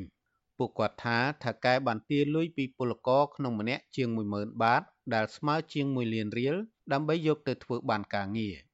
នៅក្នុងបន្ទប់តូចចង្អៀតមួយពោពេញដោយខោអាវនិងឆ្នាំងចាន ពលករទាំងនោះភ ieck ច្រើនមកពីខេត្តបន្ទាយមានជ័យឧត្តរមានជ័យនិងខេត្តសៀមរាប ពួកគាត់មកជាមួយប្តីប្រពន្ធនិងកូន ដើម្បីរកការងារធ្វើនៅប្រទេសថៃអស់រយៈពេលជិត1ខែនេះពួកគាត់មិនហ៊ានដើរចេញក្រៅឆ្ងាយពីកន្លែងដែលខ្លួនស្នាក់នៅឡើយព្រោះខ្លាចប៉ូលីសថៃចាប់ពួកគាត់បញ្ជូនទៅស្រុកខ្មែរវិញខណៈដែលខ្លួនពុំមានលិខិតឆ្លងដែននិងបានការងារត្រឹមត្រូវចំណែកការចំណាយលើការហូបចុកវិញពួកគាត់មិនមានលុយសម្រាប់ទិញបាយហូបនោះទេដូច្នេះជារៀងរាល់ព្រឹក និងល្ងាចពួកគាត់ទៅទិញស្បៀងអាហារបន្លែត្រីសាច់ជំពាក់គេ នៅកន្លែងលក់អីវ៉ាន់មួយក្បែរនោះយកមកទទួលទានប្រចាំថ្ងៃពួកគាត់សន្យាថានឹងសងលុយគេវិញពេលបានចូលធ្វើការពលករខ្មែរម្នាក់រស់នៅស្រុកក្រឡាញ់ខេត្តសៀមរាប លោកស្រីស៊ូរៀនប្រាប់វិទ្យុអាស៊ីសេរីថាលោកស្រីមកធ្វើការនៅប្រទេសថៃនេះតាំងពីដើមខែធ្នូឆ្នាំ2022 ប៉ុន្តែនៅដើមខែកុម្ភៈនេះថៅកែឲ្យក្រុមពួកលោកស្រីដែលមានគ្នា11នាក់សម្រាប់ពីការងារជាបណ្ដោះអាសន្នព្រោះឯកសារការងារធ្វើមិនទាន់ហើយលោកស្រីថាបើសិនជាពួកគាត់បន្តធ្វើការទៀតប៉ូលីសថៃនឹងចុះចាប់ជាមិនខានបារម្ភពិបាកអត់ហ៊ានទៅណាទេនោះនោះក្នុងខេមនេះនោះតែក្នុងខេមនេះហ៊ានចេញទៅណាទេព្រោះយើងខ្លាចឲ្យមានស្ដីកាន់ក្នុងដៃឲ្យមានចេញទៅលេងក្រៅឲ្យភពគិតមកលេងនេះឲ្យមានចេញទៅទេខ្លាចតែពីទើបចូលមនុស្សនេះតែពីមុន2ម៉ៃ ឆ្នាំទំមិញណាអត់ហ៊ានចែកទៅលេងថ្ងៃណាក៏អត់ហ៊ានស្រដៀងគ្នានេះពលករម្នាក់ទៀតគឺលោកលឿងរដ្ឋាដែលមកធ្វើការនៅប្រទេសថៃជិត10ឆ្នាំជាមួយប្រពន្ធរបស់លោកលើកឡើងថាលោកធ្លាប់អត់ការងារធ្វើជាច្រើនដងមកហើយភាគច្រើនគឺបញ្ហាធ្វើលិខិតឆ្លងដែននិងបានការងារលោកថាដោយសារការធ្វើឯកសារយឺតយ៉ាវនិងស្មុគស្មាញស្របពេលដែលការចំណាយថវិកាក៏ច្រើន ដែលធ្វើឲ្យលោកជំពាក់បំណុលធនាគារកាន់តែច្រើន នៅពេលធ្វើឯកសារម្ដងម្ដងលោកថាពលករទាំងអស់ពុំមាននរណាចង់ធ្វើការដោយខុសច្បាប់នោះទេបើសិនជាការរៀបចំឯកសារនោះមានភាពងាយស្រួលជាងនេះ ហើយទូតកម្ពុជានឹងហើយនឹងរដ្ឋាភិបាលនឹងជួយរៀបចំឯកសារដើម្បីងាយស្រួលក្នុងការធ្វើការឆាប់បានឆាប់បានឲ្យពលករនឹងបានធ្វើការបងហើយក៏ពេលយើងធ្វើដំណើរទៅតាមច្រកតាមអីទៅសូមឲ្យកាត់បន្ថយអារឿងហៅសេវាឲ្យចំណាយតិចតួចមិនសូវច្រើនពេកទៅវាមានបញ្ហាវិទ្យុអស៊ីសេរីមិនអាចតាក់ទងរដ្ឋលេខាធិការក្រសួងកាងារ លោកហេងសួរនិងមន្ត្រីស្ថានទូតខ្មែរប្រចាំទីក្រុងបាងកកដើម្បីសុំសេចក្តីអធិប្បាយជុំវិញបញ្ហានេះបានទេ នៅថ្ងៃទី27ខែកុម្ភៈដោយសារទូរស័ព្ទហៅចូលតែគ្មានអ្នកទទួលទោះជាយ៉ាងណាក្តីមន្ត្រីកុងស៊ុលខ្មែរប្រចាំស្ថានទូតនៅប្រទេសថៃ លោកផៃឡុនបដិសេធមិនឆ្លើយតបជុំវិញបញ្ហានេះទេដោយលោកថាកំពុងជាប់រវល់ចុះជួបពលករខ្មែរ ដោយសារយើងរវល់ពងពងជួបភ្ញៀវអត់ពងជួបបងប្អូនពលករយើងហ្នឹងបាទបាទបាទអរគុណបាទពលករខ្មែរធ្វើការសំណង់នៅប្រទេសថៃភាគច្រើន ពួកគាត់អាចរកចំណូលបានក្នុងម្នាក់300បាត ទៅ500បាត ក្នុងមួយថ្ងៃដែលស្មើជាង30000រៀលទៅ50000រៀលពួកគាត់ចូលធ្វើការចាប់ពីម៉ោង7ព្រឹកដល់ម៉ោង5ល្ងាចចំណែកពលករដែលចង់បានលុយថែមម៉ោង ពួកគាត់អាចបន្តធ្វើការពេលយប់ចាប់ពីម៉ោង5ល្ងាចរហូតដល់ម៉ោង11យប់ដែលក្នុងម្នាក់ម្នាក់ទទួលបាន300បាតថែមទៀតក្នុងមួយថ្ងៃទោះជាយ៉ាងណាក្តីពួកគាត់ថាការងារធ្វើសំណង់នេះត្រូវតស៊ូប្រឹងប្រែងដោយលំបាកនិងហានិភ័យខ្ពស់ដល់អាយុជីវិត នៅពេលដែលឡើងលើអគារខ្ពស់ខ្ពស់ម្ដងម្ដងជុំវិញរឿងនេះមន្ត្រីផ្នែកអន្តរប្រវេសន៍ប្រចាំប្រទេសថៃនៃអង្គការសង្ត្រាល់លោកលឹងសុផុនក៏សម្គាល់ឃើញថា ពលករខ្មែរដែលមកធ្វើការនៅប្រទេសថៃខុសច្បាប់ភ ieck ច្រើនប្រឈមនឹងបញ្ហាអត់ការងារធ្វើជាបន្តបន្ទាប់លោកថាបញ្ហានេះមានស្ទើរតែគ្រប់កន្លែង ជាពិសេសនៅតំបន់ដែលសម្បូរពលករខ្មែររស់នៅដូចជាខេត្តសមុទ្រប្រការនិងឈុនបុរីជាដើមលោកថាប្រសិនបើបញ្ហានេះអាជ្ញាធរខ្មែរមិនឆាប់ជួយដោះស្រាយដល់ពួកគាត់នោះទេ បញ្ហានេះនឹងធ្វើឲ្យជីវភាពពលករខ្មែរកាន់តែលំបាក អញ្ចឹងបើសិនជាស្ថាប័នពាក់ព័ន្ធដែលបានដឹងដំណឹងឬក៏បានយល់ពីបញ្ហានេះហើយគួរដោះស្រាយដោយវិធីណាហើយឬក៏មានវិធានការដើម្បីកែប្រែខ្ញុំគិតថាវាជារឿងល្អឬក៏យើងមានវិធានការបណ្ដុះបណ្ដាលអប់រំតាមអ្វីដែលយើងអាចធ្វើបានហ្នឹងណាបាទវាជារឿងល្អប្រសើរតែបើសិនជាយើងមិនធ្វើអញ្ចឹងទេបងប្អូនពលករនៅថៃហ្នឹងខ្លាចជាជនរងគ្រោះច្រើនទៅច្រើនទៅអញ្ចឹង ចាប់តាំងពីខែមករាដល់ខែកុម្ភៈនេះអ្នកឃ្លាំមើលបញ្ហាពលករខ្មែរនៅប្រទេសថៃឲ្យដឹងថាមានពលករខ្មែរជាង200នាក់ហើយនៅតាមតំបន់ផ្សេងៗក្នុងប្រទេសថៃដែលពួកគាត់ដាច់ស្បៀងនិងអត់ការងារធ្វើដោយសារតែពុំមានឯកសារត្រឹមត្រូវសម្រាប់ធ្វើការមិនតែប៉ុណ្ណោះពួកគាត់ក៏ត្រូវបានមេខ្យល់និងថៅកែថៃបោកប្រាស់កម្លាំងពលកម្មបញ្ហាទាំងនេះធ្វើឲ្យពលករទាំងនោះប្រឹងត្រដររស់ដោយវេទនា ពួកគាត់ទទូចដល់អាជ្ញាធរពាក់ព័ន្ធឲ្យជួយរកដំណោះស្រាយជូនពួកគាត់ឲ្យបានឆាប់ដើម្បីពួកគាត់មានលទ្ធភាពអាចចូលធ្វើការឡើងវិញរកប្រាក់ដោះស្រាយបញ្ហាជីវភាពគ្រួសារខ្ញុំបាទលេងម៉ាលីវិទ្យុអស៊ីសេរីពីរដ្ឋធានី Washington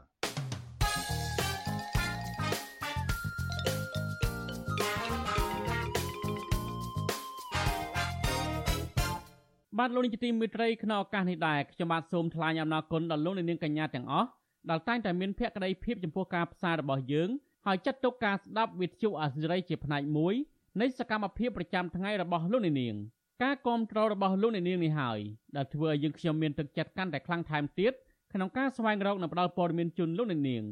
មានអ្នកស្ដាប់មានអ្នកទស្សនាកាន់តែច្រើនកាន់តែធ្វើឲ្យយើងខ្ញុំមានភាពស្វាហាប់មោះមុតជាបន្តទៅទៀតយើងខ្ញុំសូមអរគុណទុកជាមុនហើយសូមអញ្ជើញលោកនាងកញ្ញាចូលរួមជំរុញឲ្យសកម្មភាពផ្តល់ព័ត៌មានរបស់យើងនេះ កាន់តែជោគជ័យបន្ថែមទៀតលោកនាងអាចជួយយើងខ្ញុំបានដោយគ្រាន់តែចុចចែករំលែកឬ share ការផ្សាយរបស់យើងនៅលើបណ្ដាញសង្គម Facebook និង YouTube ទៅកាន់មិត្តភ័ក្តិដើម្បីឲ្យការផ្សាយរបស់យើងបានទៅដល់មនុស្សកាន់តែច្រើនសូមអរគុណ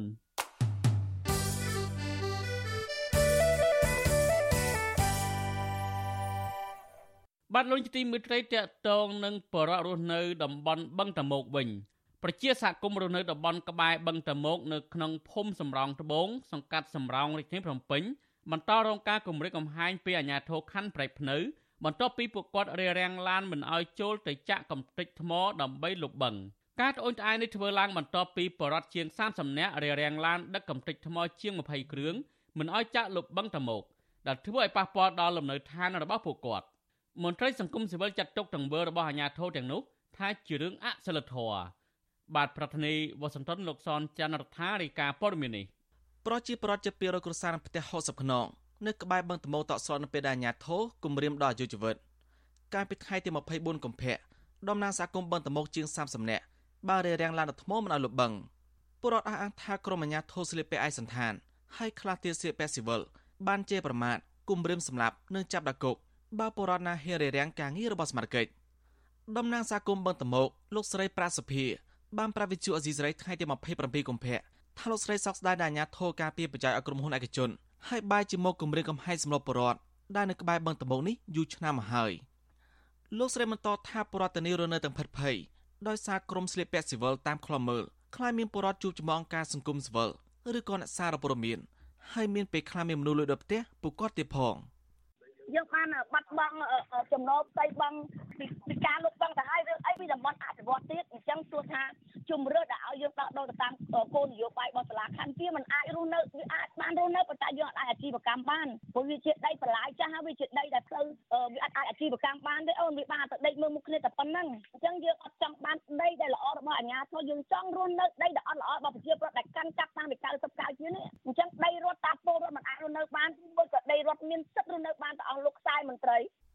ស្រដៀងគ្នានេះដែរតំណាងសហគមន៍បឹងតមលោកស្រីសៀដាវីថ្ងៃថាលោកស្រីសុំតែកុំឲ្យឡានរត់ថ្មចាក់លោកបឹងដោយសារសពថ្ងៃប្រជាប្រដ្ឋរំពឹងលើបឹងនេះទោះអាស្រ័យផលចិញ្ចឹមជីវិតបើអស់ពីបឹងនេះពួកគាត់គ្មានអ្វីរំពឹងទៀតទេលោកស្រីបញ្ជាក់ថាក្រមអាជ្ញាធរខណ្ឌប្រៃភ្នៅមកទាំងស្រវឹងហើយជាប្រមាថលើបរដ្ឋជាស្ត្រីហើយបាត់ផ្លូវបរដ្ឋមិនឲ្យជាងក្រៅបានទេពួកយើងប្រជាពលរដ្ឋដែលរស់នៅនឹងមានការផិតភ័យអ្នកខ្លះក៏ដោះដូរទីតាំងថ្មីទៅជាងខ្លាចថា គេគម្រាមថាបើយើងតនៅតែបន្តតវ៉ាទៀតគេនឹងចាប់យើងដាក់គុកហើយពួកយើងមួយចំនួនច្រើននៅទៀតហ្នឹងពួកយើងស៊ូស្លាប់នៅលើដីហ្នឹងពួកយើងអត់ចាញ់ទេនៅតែតវ៉ាដល់រហូតទាល់តែថាបានដំណោះស្រាយពីរដ្ឋាភិបាលឲ្យយើងអភិវឌ្ឍនៅនឹងកន្លែងប្រជាប្រដ្ឋលើកឡើងថាពួកគាត់មិនស្គាល់ម្ចាស់ក្រុមហ៊ុនទៅនេះទេក៏ប៉ុន្តែម្ចាស់ក្រុមហ៊ុនលបឹងនេះដើម្បីពូដីលលក់ដីប្រមាណ5ហិកតាជាដីលំនៅឋានរបស់ប្រដ្ឋបឹងតមោក ដែលពួកគាត់មករស់នៅនឹងអាស្រ័យផលតាំងពីឆ្នាំ1990ឥឡូវត្រូវប្រឈមទៅនឹងការបណ្តេញចេញតែបង្ខំពីសំណាក់អាជ្ញាធរស្របពេលពួកគាត់ខ្វះខាតប្រាក់សម្រាប់គ្រប់គ្រងជីវភាពគ្រួសារតកតងរឿងនេះវិទ្យុអេស៊ីសរ៉ៃមិនតាន់សុំការបំភ្លឺពីអ្នកនាំពាក្យសាលាក្រុងភ្នំពេញលោកមីតមីភក្តីនិងអ្នកនាំពាក្យក្រសួងដែនដីនគររូបនីយកម្មនិងសំណង់លោកសេងលូតបានអាឡ័យទេនៅថ្ងៃទី27កុម្ភៈដោយទូរស័ព្ទហៅចូលតែគ្មានអ្នកទទួលជុំវិញរឿងនេះ អ្នកនាំពាក្យសមាគមការពារសិទ្ធិមនុស្សអាត់ហុកលោកសឹងសានករណាយល់ឃើញថាអាញាធរគូពង្រឹងក្រមសីលធម៌វិជ្ជាជីវៈក្នុងការដោះស្រាយបញ្ហាជនដល់បរដ្ឋដោយភាពអត់ធ្មត់លោកបញ្ជាក់ថាអាញាធរមិនគួរការពារផលប្រយោជន៍ក្រុមហ៊ុនឯកជននោះទេដែលចាស់បណ្ដារងការរិះគន់ពីសំណាក់ប្រជាពលរដ្ឋថាមានភាពលំអៀងឬជាប់ពាក់ព័ន្ធអំពើពុករលួយអង្គអាជ្ញាធរគួរតែមានការគិតគូរនិងសម្របសម្រួលឲ្យគ្រប់ភាគីនឹងអាច ទទួលយកដំណោះស្រាយបានទៅវាជារឿងមួយដែលល្អហើយហើយជៀសវាង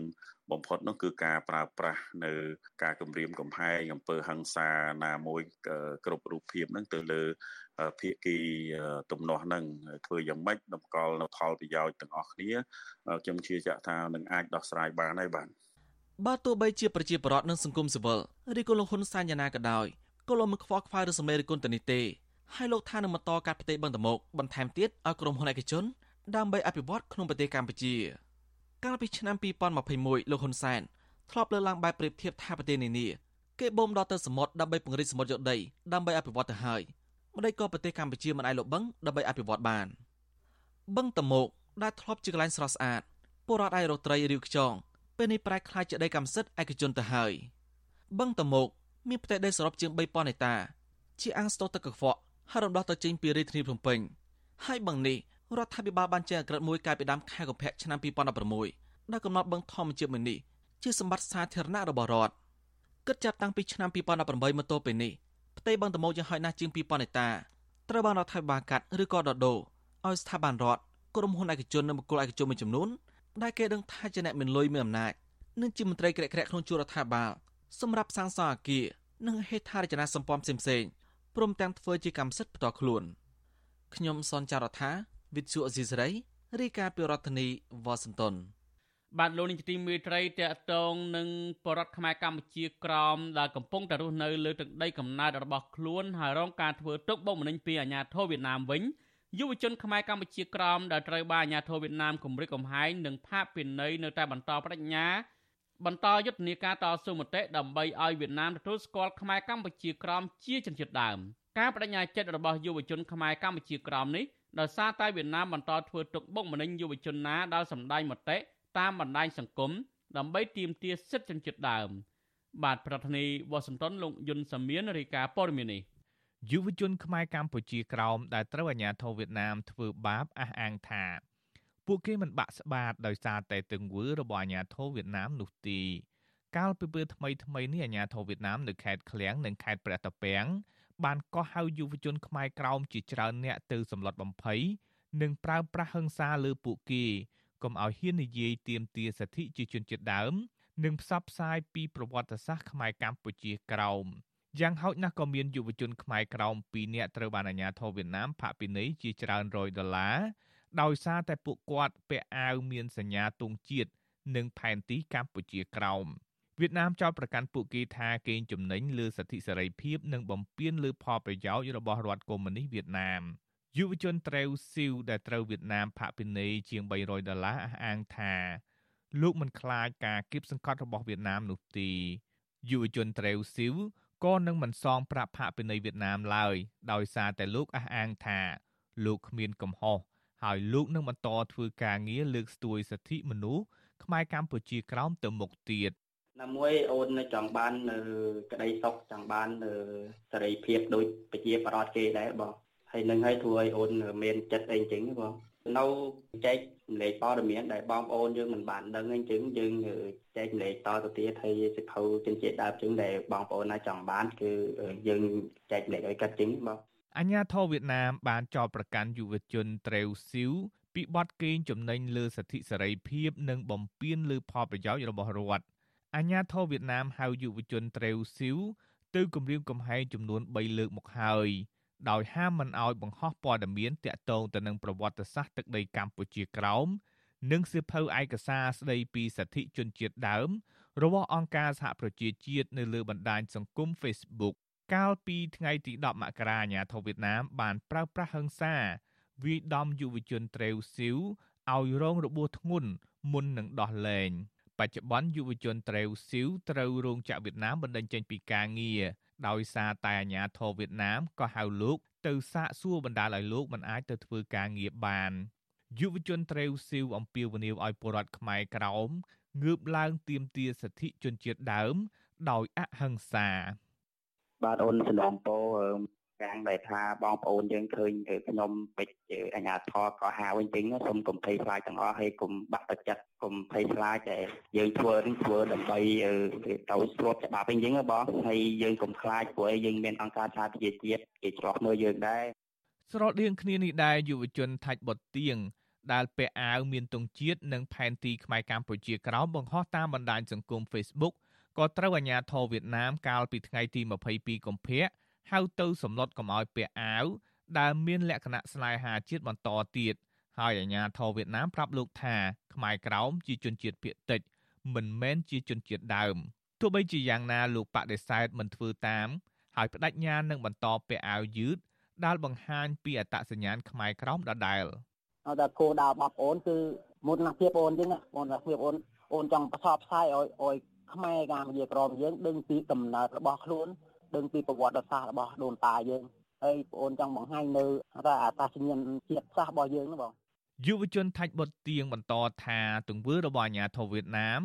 ដោយសារតែពួកគេមានចេតនាចង់បំបាក់ស្មារតីយុវជនខ្មែរក្រោមដទៃទៀតកុំឲ្យហ៊ានងើបឡើងតវ៉ាទាមទារសិទ្ធិជនជាតិដើមអាណានិគមនិយមបារាំងបានកាត់ទឹកដីខ្មែរកម្ពុជាក្រោមទៅឲ្យវៀតណាមទាំងខុសច្បាប់ កាលពីថ្ងៃទី4ខែមិថុនាឆ្នាំ1949រយៈពេលជាង70ឆ្នាំដែលវៀតណាមបានគ្រប់គ្រងទឹកដីកម្ពុជាក្រោមមកនេះវៀតណាមបានប្រើប្រាស់គ្រប់មធ្យោបាយដើម្បីបំបត្តិអត្តសញ្ញាណនិងសាសនាខ្មែរកម្ពុជាក្រោម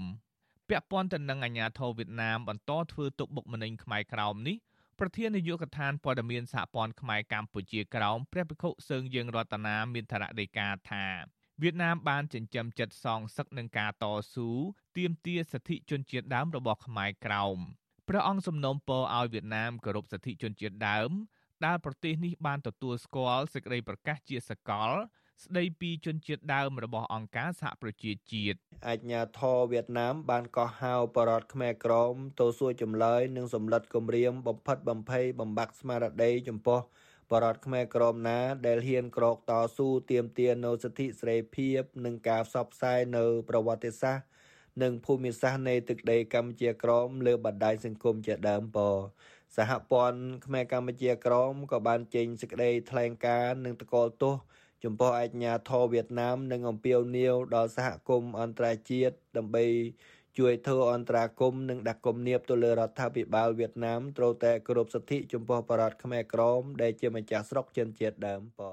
រដ្ឋាភិបាលវៀតណាមបានលេបសម្ដីនឹងការសន្យានៅចំពោះមុខសមាជិកអង្គការសហប្រជាជាតិថាប្រទេសនេះនឹងគោរពសិទ្ធិមនុស្សប្រសិនបើជាប់ជាសមាជិកក្រុមប្រឹក្សាសិទ្ធិមនុស្សរបស់អង្គការសហប្រជាជាតិវៀតណាមបានក្លាយជាសមាជិកក្រុមប្រឹក្សាសិទ្ធិមនុស្សអង្គការសហប្រជាជាតិសម្រាប់អាណត្តិ3ឆ្នាំ ចាប់ពីខែមករាឆ្នាំ2023តទៅកាលពីពេលថ្មីថ្មីនេះអ្នករាយការណ៍ពិសេសរបស់អង្គការសហប្រជាជាតិស្ដីពីសិទ្ធិជនជាតិដើម បានសរសេរលិខិតសម្ដែងក្តីបារម្ភពីការបន្តរំលោភសិទ្ធិមនុស្សនិងសាសនារបស់រដ្ឋាភិបាលវៀតណាមពួកគេបានដាក់សំណួរទៅរដ្ឋាភិបាលវៀតណាមរឿងការធ្វើទុកបុកម្នេញលើយុវជនខ្មែរក្រោមការសម្ដែងមតិអំពីសិទ្ធិជនជាតិដើម ការចែកចាយឯកសារសិទ្ធិជនជាតិដើម របស់អង្គការសហប្រជាជាតិនិងសេរីភាពប្រតិបត្តិសាសនាជាដើម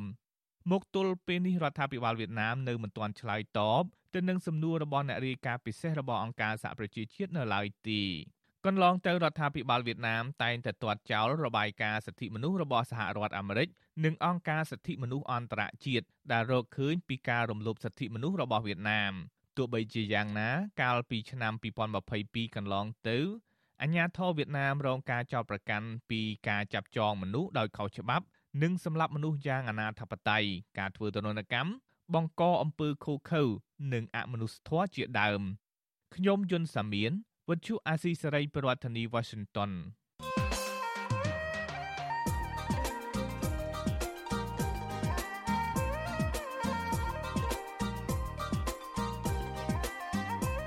បាទលោកនាយកទីមេត្រីលោកហ៊ុនសែនលើកហេតុផលពីការដែលលោកបិទវិទ្យុ VOD ថាមកពីវិទ្យុនេះផ្សាយព័ត៌មានមួយធ្វើឲ្យឈានដល់ការបែកបាក់ផ្ទៃក្នុងរបស់រដ្ឋាភិបាលសេចក្តីរាយការណ៍របស់វិទ្យុ VOD ដែលលោកហ៊ុនសែនចោទថា ជាដើមចំនោះបានផ្សាយថាលោកហ៊ុនម៉ាណែតចោទលេខាចំនួនរដ្ឋាភិបាលលើប្រាក់ជំនួយដល់ប្រទេសទូគីបបផ្ទៃក្នុងនៃរដ្ឋាភិបាលលោកហ៊ុនសែនធ្លាប់តែអះអាងថារឹងមាំណាស់នោះតើការផ្សាយសេចក្តីរាយការណ៍មួយ អាចធ្វើឲ្យបែកបាក់បានដែរទេឬមួយក៏មកពីផ្ទៃក្នុងរបស់លោកហ៊ុនសែនភុយស្រួយស្រាប់មានអ្វីទៅប៉ះតែបន្តិចក៏បែកបាក់បាទក្នុងនេតិវេទិកាអ្នកស្ដាប់វិទ្យុអាស៊ីសេរីនៅរាត្រីថ្ងៃអង្គារនេះយើងនឹងមានកិច្ចពិភាក្សាអំពីរឿងនេះដោយមានការចូលរួមពីវាគ្មិនពីររូបគឺលោកសំរងស៊ីនិងប្រដេជគុណបតបន្ទិញបាទសូមលោកនាងរងចាំស្ដាប់នេតិវេទិកាអ្នកស្ដាប់អាស៊ីសេរីដែលនឹងជជែកអំពីបញ្ហានេះនៅយប់ថ្ងៃអង្គារស្អែកនេះកុំបីខាន។ កម្មវិធីនេះសម្រាប់សម្រួលដល់លោកជនច័ន្ទបតបាទលោកនាងក៏អាចសួរវិក្កាមិនរបស់យើងឬបញ្ចេញជាមតិយោបល់សូមដាក់លេខទូរស័ព្ទរបស់លោកនាងទៅក្នុងខ្ទង់ comment Facebook ឬ YouTube របស់ Vuthu Asia សេរីក្រុមការងាររបស់យើងនឹងហៅទៅលោកនាងវិញ បាទសូមអរគុណ។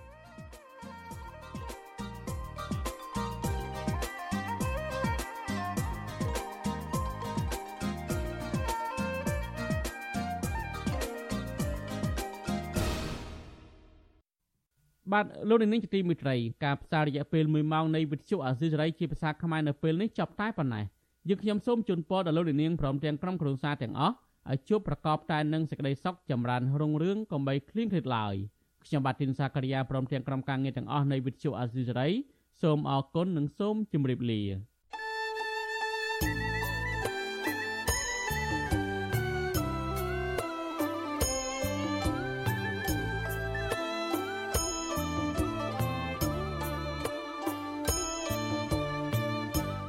វិទ្យុអាស៊ីសេរីផ្សាយតាមរលក ធារកាសខ្លីឬ shortwave តាមកម្រិតនិងកម្ពស់ដូចតទៅនេះពេលព្រឹកចាប់ពីម៉ោង5កន្លះដល់ម៉ោង6កន្លះតាមរយៈរលក ធារកាសខ្លី9390 kHz ស្មើនឹងកម្ពស់ 32m និង11850 kHz ស្មើនឹងកម្ពស់ 25m ពេលយប់ចាប់ពីម៉ោង7កន្លះដល់ម៉ោង8កន្លះតាមរយៈរលកធារកាសខ្លី 9390 kHz ស្មើនឹងកម្ពស់ 32m និង15155 kHz ស្មើនឹងកម្ពស់ 20m និង11885 kHz ស្មើនឹងកម្ពស់ 20m លោកអ្នកនាងក៏អាចស្ដាប់ការផ្សាយផ្ទាល់តាមប្រព័ន្ធអ៊ីនធឺណិតដោយចូលទៅកាន់គេហទំព័ររបស់ Vuthu Azizi Saray www.rfa.org/ ខ្មែរ ក្រៅពីនេះលោកអ្នកនាងក៏អាចអាននិងទស្សនាព័ត៌មានវិទ្យុអាស៊ីសេរីលើទូរស័ព្ទដៃរបស់លោកអ្នកផ្ទាល់សូមលោកអ្នកនាងចូលទៅកាន់បណ្ដាញសង្គម Facebook ដែលមានអាសយដ្ឋាន www.facebook.com/rfa.cambodia និង YouTube www.youtube.com/rfa_kmaevideo សូមលោកអ្នកនាងចុច like និងចុច subscribe ដើម្បីទទួលបានព័ត៌មានថ្មីៗទាន់ហេតុការណ៍ និងទស្សនាវីដេអូផ្សេងៗបានគ្រប់ពេលវេលា។